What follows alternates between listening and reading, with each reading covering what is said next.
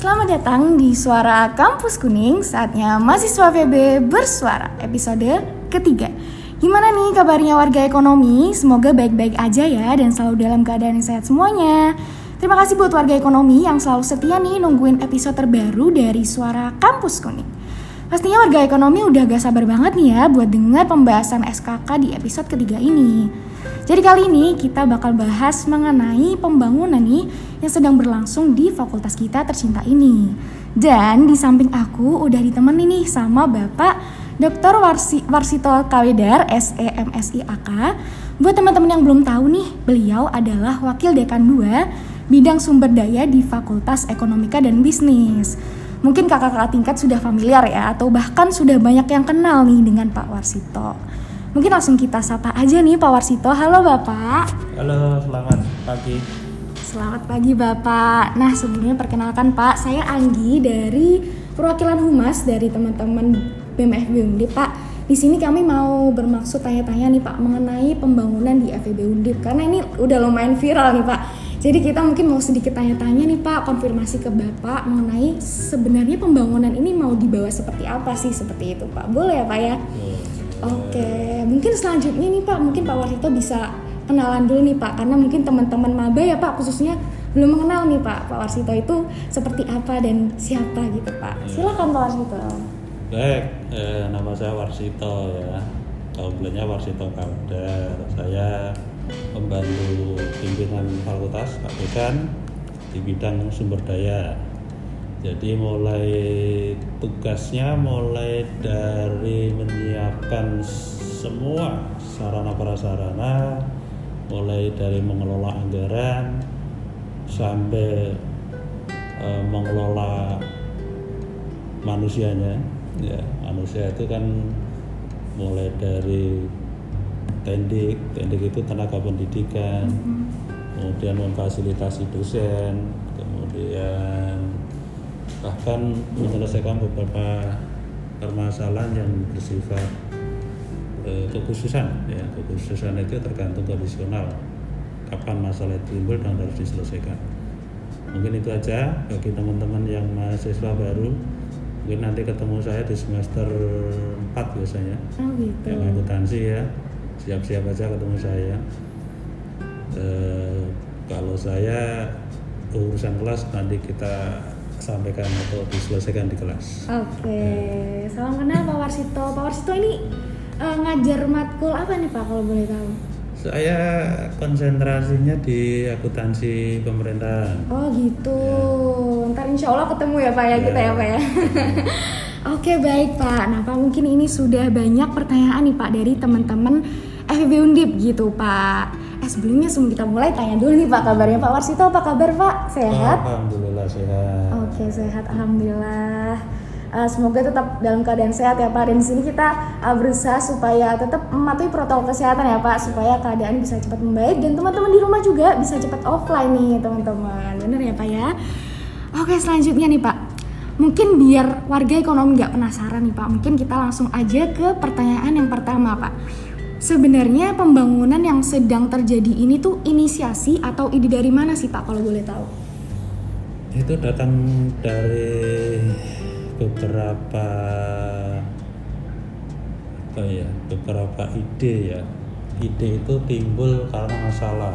Jadi kalau nanti ada belajar di dalam akuntansi manajerial atau di dalam akuntansi yang sudah level advance itu pasti permasalahan itu menciptakan ide nah kemudian ide permasalahan itu dicarikan solusi. Solusi itu alternatifnya kan banyak sehingga ada istilah alternatif solusi. Kemudian dari alternatif solusi baru kita sampaikan ke pimpinan tertinggi itu Pak Dekan nah, baru di situ nanti diputuskan. Nah, jadi konsep alur hierarki eh, konsep-konsep ide-ide itu alurnya seperti itu. Hmm. Jadi kalau boleh saya contohkan misalnya eh, mungkin anda yang angkatan 2020 kan belum pernah eh, menikmati parkir yang ruang parkir motor ya. Kan belum pernah kan? Iya. maksudnya ruang parkir motor yang begitu sesak Mhm. ya. Anda bayangkan aja di kampus Tembalang itu ada kurang lebih berapa ya? 800 kali 4 tiga ribuan 500 lah. 3500 dalam frekuensi satu hari itu mereka kan masih dalam tanda kutip masuk kuliah. Mhm. ya kan? Walaupun eh, bergantian eh, waktu Mhm. ya. Anda bayangkan aja dari 3.500 itu 50 persennya aja bawa motor. Mhm. sudah berapa? Asumsi saya kemarin berdiri saya sekitar mobilitas motor itu stand B ya itu boleh 1000 1500 an Hmm. itu yang membuat area-area itu menjadi eh, tertumpuk dan penuh gitu loh. Nah, sehingga itu masalah. Nah, sehingga kita harus cari solusi mengapa masalah itu harus cari solusi karena parkir yang tidak tertib itu membuat kita semakin tidak nyaman Mhm. ya keindahan ruang menjadi terganggu kerapian menjadi terganggu Iya. apalagi dalam tanda kutip ya Hmm. Eh, orang parkir itu kan tergantung personalitasnya kan Hmm. ada yang parkir seenaknya gitu kan Hmm. karena keburu-buru kuliah. Nah, sehingga itu timbul ide bagaimana kita membuat sebuah eh, konsep parkir yang nyaman. Hmm. ya, nyaman indah kan gitu. Lah dari situ timbul solusi-solusi alternatif solusi. Sehingga kalau yang anda sekarang lihat itu kita sedang membuat parkir dengan kapasitas sekitar 1000 Oh. 1000 motor itu standby. Tapi tidak hanya khususan parkir tapi kita juga harus mem- memixkan ya memblendedkan dengan di situ bisa menjadi tempat olahraga Mhm. bisa menjadi tempat eh, orang belajar Hmm. orang santai sehingga di situ nanti ada eh, apa konsep-konsep ya santai ya bisa parkir bisa belajar sehingga di situ nanti kemungkinan ya ya kalau kemungkinan sih enggak loh kita sudah pasang fondasi ya di situ Iya. ada yang disebut dengan co-working Oh iya. co-working space tetapi saya kelola seperti cafe shop Oh, asik ya, Pak. ya jadi nanti kalau anda lihat di MMT itu kan ada itu Mhm. eh, gambar itu yang melengkung melengkung itu Hmm. itu konsepnya adalah co-working space jadi orang Hmm. bisa duduk-duduk full wifi Hmm. nyaman ya kalau nanti pohonnya sudah mungkin dua tiga tahun kan pohonnya sudah besar besar Hmm. itu menjadi rindang kan Nah, sehingga orang di situ belajar relax ya mungkin yang olahraga terutama lapangan basket kan nyambung ini nanti Iya. Itu orang bisa nonton teman-teman basket tetapi bisa kongkong-kongkong sambil minum kopi Hmm. Nah, ini ini konsep-konsep seperti itu. Sehingga kita harus sudah mulai ber- berubah paradigma Hmm. yang kalau dulu kan yang penting berfungsi. Hmm. Sekarang nah, tidak. Kalau saya saya balik. Yang penting bisa dinikmati. Iya. Nah, balik dulu. Kalau orang sudah dinikmati berarti kan levelnya naik. Hmm. Kalau levelnya naik sudah bisa dinikmati, nah berarti kan yang dari hanya berfungsi ditambah dinikmati. Nah ini kan mungkin menciptakan layanan yang berbeda. Hmm. Ya, jadi gitu, itu konsep itu, konsep-konsep seperti itu. Itu contoh ya. Iya. Jadi kalau nanti anda lihat di sarfa-sarfa yang lain itu ya ada konsep-konsepnya, Hmm. tidak sebatas memfungsikan Hmm. jadi berbeda. Nah itu nanti eh, mungkin nanti ketika anda kuliah ya, terutama yang mahasiswa masih semester 2, Hmm. semester 4 itu, apalagi yang calon mahasiswa baru, Iya. nah kita harus berpikirnya sudah naik kelas, Iya. ya gitu. Jadi nanti ini ya Pak, tujuan pembangunannya salah satu eh, fokus utamanya itu parkiran ya Pak ya. Mungkin kayak diperluas gitu ya biar Iya. demi kenyamanan juga gitu. Itu itu sebuah proyek aja, Oh. masih banyak proyek yang lain. Oh, masih banyak proyek yang lain ya Pak. Yang penting konsep saya itu eh, mumpung kita masih punya waktu optimalkan waktu hidup anda itu untuk orang lain Hmm.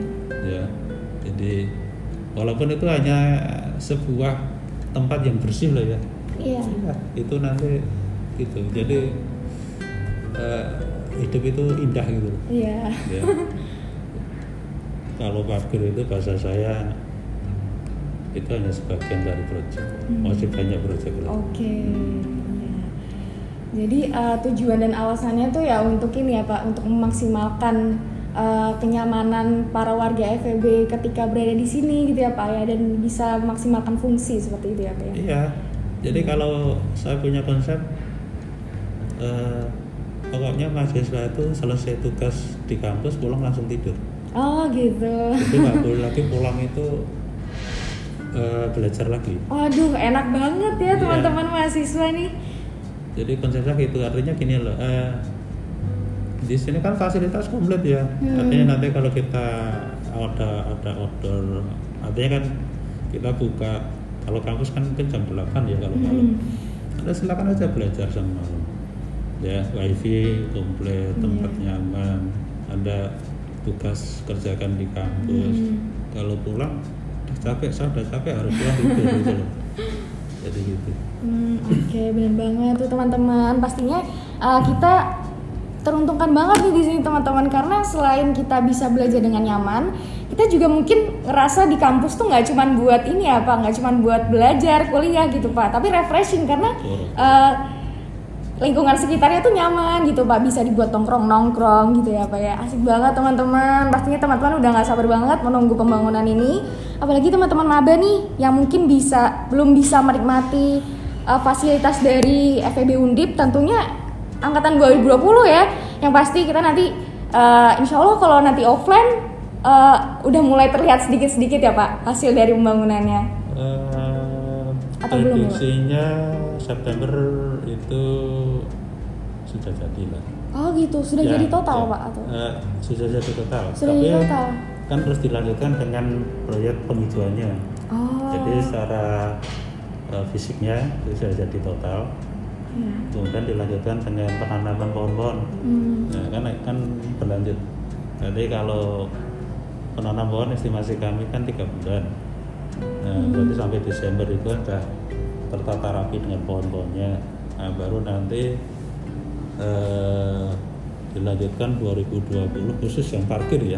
Oh gitu. Khusus yang parkir itu 2022 Mm-mm.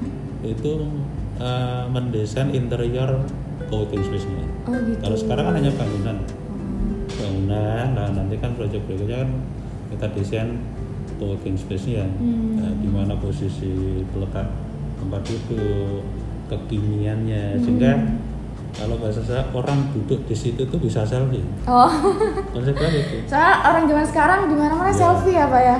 sebenarnya konsepnya kan gini lah itu kan kalau kita belajar ya Iya.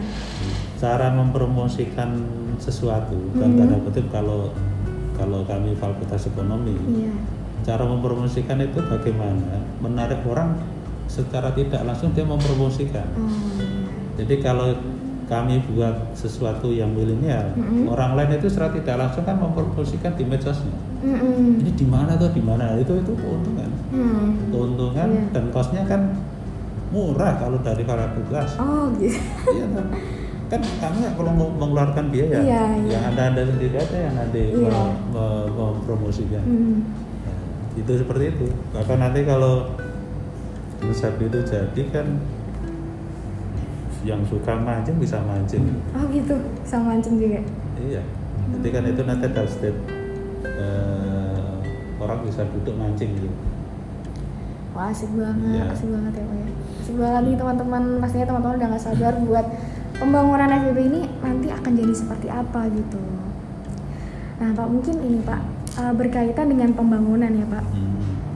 Eh, mungkin kan kami belum tahu pastinya pak karena kami lihat tuh di sosial media tiba-tiba langsung keluar aja gitu pak eh, konsep eh, video dari pembangunan FEB gitu pak. Nah kami kurang tahu pasti nih pak.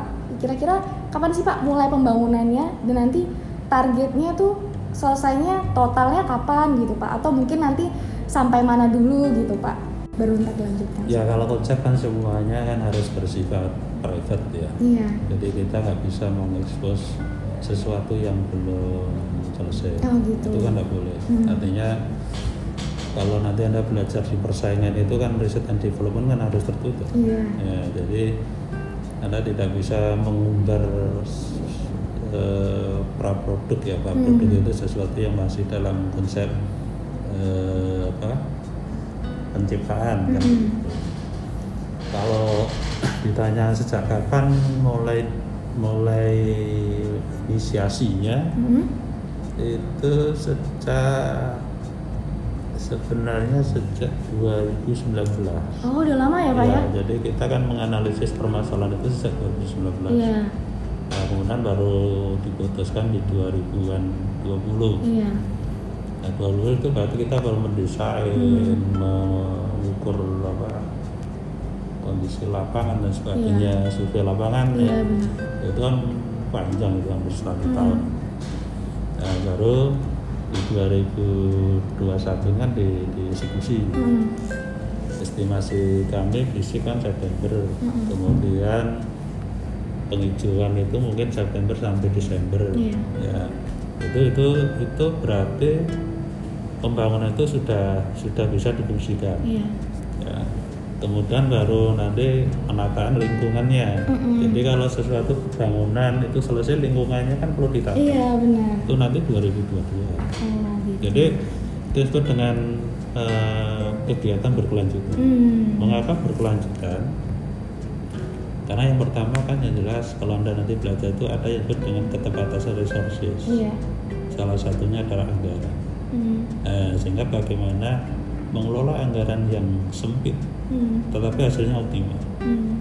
Eh, salah satunya dengan membuat program berkelanjutan. Hmm. Tapi fokus, iya betul ya. Jadi nggak bisa nggak bisa di di apa ya, di kalau bahasa Jawanya itu diecer ke mana-mana nggak bisa. oh iya Ya, jadi fokus, fokus selesaikan, fokus selesaikan. Gitu. iya Nah, di situ orang akan melihat eh, produk itu berfungsi dan optimalisasinya. iya betul Ya, itu jadi seperti itu.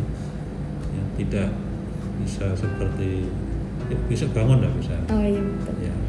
Tapi itu maksudnya cepat ya Pak ya kalau misalnya tadi Bapak bilang September tuh setidaknya renovasinya udah jadi Udah gitu ya Pak ya? Udah jadi. Iya cepat Ya, maksudnya. cepat itu. Ya nanti kalau kalau nanti anda melihat kemungkinan prediksi saya itu tiga bulan ya. Hmm, Juli ya mungkin anda nanti masuk bulan Agustus iya.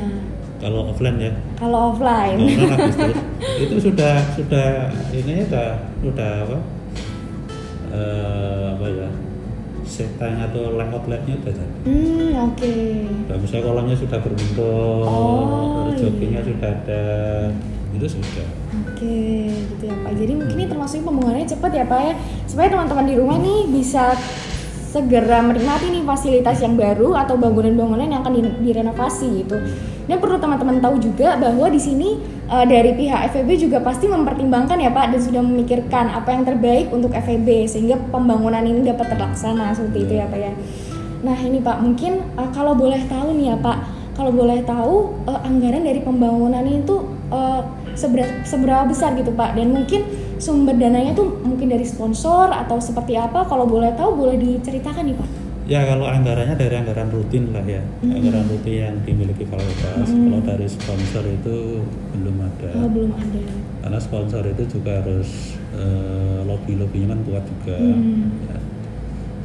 Kemudian kalau yang sponsor itu artinya gini, eh, kalau anda nanti di co-working space lantai tiga gedung Iya, KWU iya. itu kan ada itu separuh fakultas separuhnya sponsor. Oh iya. Jadi Dari alumni ya Pak ya? eh, dari partner lah, Oh dari Pak. dari partner. Jadi dari partner fakultas. Hmm, Ya, oke. itu seperti itu. Jadi Hmm. kemudian artinya ini contoh-contoh. Jadi kalau kita ingin membuat sesuatu, kalau dari syukur-syukur dari sponsor sih, kalau bisa mengcover semuanya sih, Iya. eh, alhamdulillah. ya. Alhamdulillah ya Pak. Nah, tapi jangan sampai kekurangan dana sponsor itu justru membuat sesuatu menjadi terhambat. Hmm, iya, betul. Sehingga kita konsep kalau konsepnya dibalik Iya. konsepnya adalah kita siapkan dana fakultas Mm-mm. sponsor masuk Hmm. diterima sehingga dana fakultas terkoreksi Hmm. nah dibalik gitu kalau dibalik kan pasti jadinya Iya. ya, tapi kalau kita harus sponsor sponsor nggak masuk apa Iya betul. ya. jadi seperti itu itu ya ini pola-pola penganggarannya gitu Oh, seperti itu. Gitu ya, Pak. Ini tentunya membutuhkan biaya yang besar ya, Pak ya, untuk pembangunan sebesar ini. Udahlah, relatif Relatif. Oke, Ya. teman-teman. yang penting fokus Yang penting fokus ya, Pak ya. jadi kalau kita saya sering memotivasi teman-teman teman-teman itu dalam arti teman-teman tim ya Mm-mm. Anda jangan usah mikir duit lah. Mm. terus yang mikir itu yang mikir duit urus aku. Nah, artinya apa? Agar mereka itu termotivasi bekerja jangan sampai terganggu anggarannya ada atau tidak. Enggak lah bos. Nah, nanti yang ngelola anggaran itu adalah pimpinan. Nah, pimpinan kotas ya. Hmm. ini bagaimana? Ini bagaimana? Ini harus begini begini itu. Tapi di level-level pelaksana nggak perlu. Gitu. Buat saya seperti itu Mm-mm, udah terlihat jelas ya Pak bahwa pembangunan ini sangat terkonsep ya Pak. Dilihat dari uh, perancangan pendanaannya juga mungkin uh, Insya Allah dipermudah ya Pak semuanya. ya bukan dipermudah harus. Oh, harus Bukan. dipermudah. bukan pembangunan itu kan sebenarnya kan visi misi pimpinan Iya. artinya itu harus jalan bukan Iya. bukan dipermudah keliru jadi pembangunan itu adalah visi misi pimpinan harus dicapai Iya. ya kita harus eksekusi Iya. ya. nah sehingga ada ada ada tatarannya level ini dia bicara tentang konsep dan sebagainya Mm-mm. di level teknis dia bicara di teknis nggak usah bicara konsep Nah, sehingga dengan ada strata seperti itu Mm-mm. itu mereka fokus bekerja Mm, iya. jadi eh, perlu ya kalau saya ngomongnya ya strata bukan strata ya semua bekerja sesuai fungsi masing-masing Oke. Mm. Oke, itu mungkin seput- seputar pendanaan ya Pak ya. Mm. Nah selanjutnya Pak, jadi beberapa waktu lalu Pak di salah satu sosial media Undip gitu Pak, eh, ini yang dibuat oleh eksternal ya Pak, bukan dari pihak Undipnya. Jadi itu ada eh, suatu post yang itu tuh mengupload foto mengenai konsep pembangunan Undip yang mana tuh ada green spot atau ada kolamnya Pak. Nah itu eh, mengundang opini nih Pak dari masyarakat eh masyarakat FEB bahkan ada yang ngomong gini Pak kayak resort gitu Pak katanya.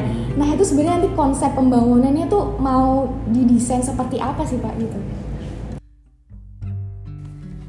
Nah, buat teman-teman semua pasti masih penasaran kan lanjutan pembahasan dari pembangunan FB nih. Pokoknya jangan sampai ketinggalan ya update-nya dan stay tune terus di Suara Kampus Kuning.